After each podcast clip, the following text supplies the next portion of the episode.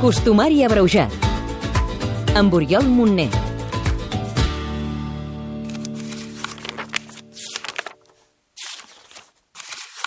Aquí, 26 de desembre, Sant Esteve. Per Sant Esteve creix el dia un pas de llebre. Per Sant Esteve, cada ovella a casa seva. Acabem de fer festa grossa per Nadal, ahir mateix, i avui torna a ser festa. I per què en tornem a fer avui, i només a Catalunya? Lluís Garcia, antropòleg. Catalunya va formar part de l'imperi carolingi, a diferència de tota la resta d'Espanya. I Carlemany va establir que el dia posterior a cadascuna de les, de les tres Pasques cristianes, és a dir, Nadal, la Pasqua de la Setmana Santa, diguem, i la Pasqua de Pentecosta, eh, fos festiu.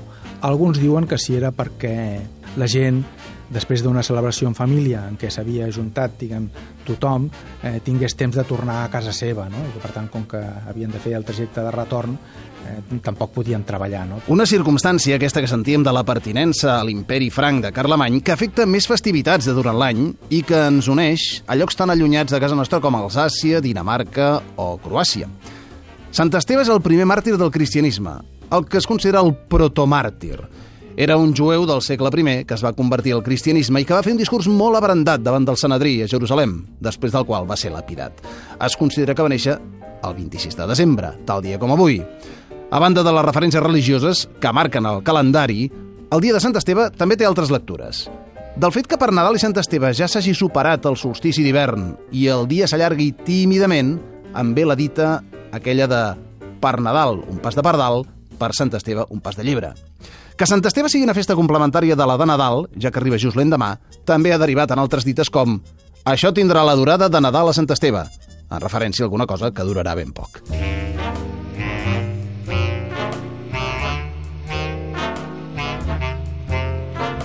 Com totes les festes tradicionals del calendari, avui a casa molts hi tenim una menja molt concreta, els famosos canelons de Sant Esteve.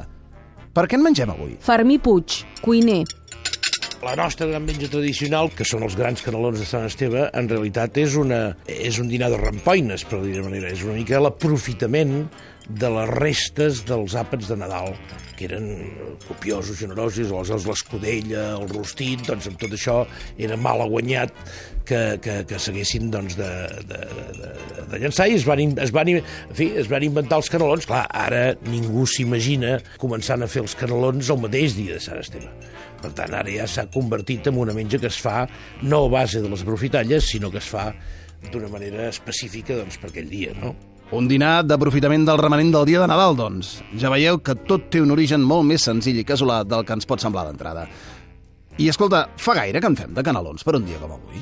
El que quedava, els castellans, per exemple, tenen una tradició que és la ropa vieja, que en diuen, que és per entendre'ns tota la carn d'olla saltada, oli, llard, etc etc. Nosaltres, a finals del 19, que és quan entra el caneló hi, ha, hi havia hagut formes de canelons abans, eh? però d'una manera així oficial en les cases, per la influència italiana, doncs entra, entra el caneló i per tant a partir d'aquell moment doncs es fan amb, amb, amb el que queda dels rostits i de l'escudella. On viure-ho intensament. Sant Esteve no té una litúrgia especial de celebració, però el Pla d'Urgell és un dels llocs on més s'ha viscut de manera tradicional.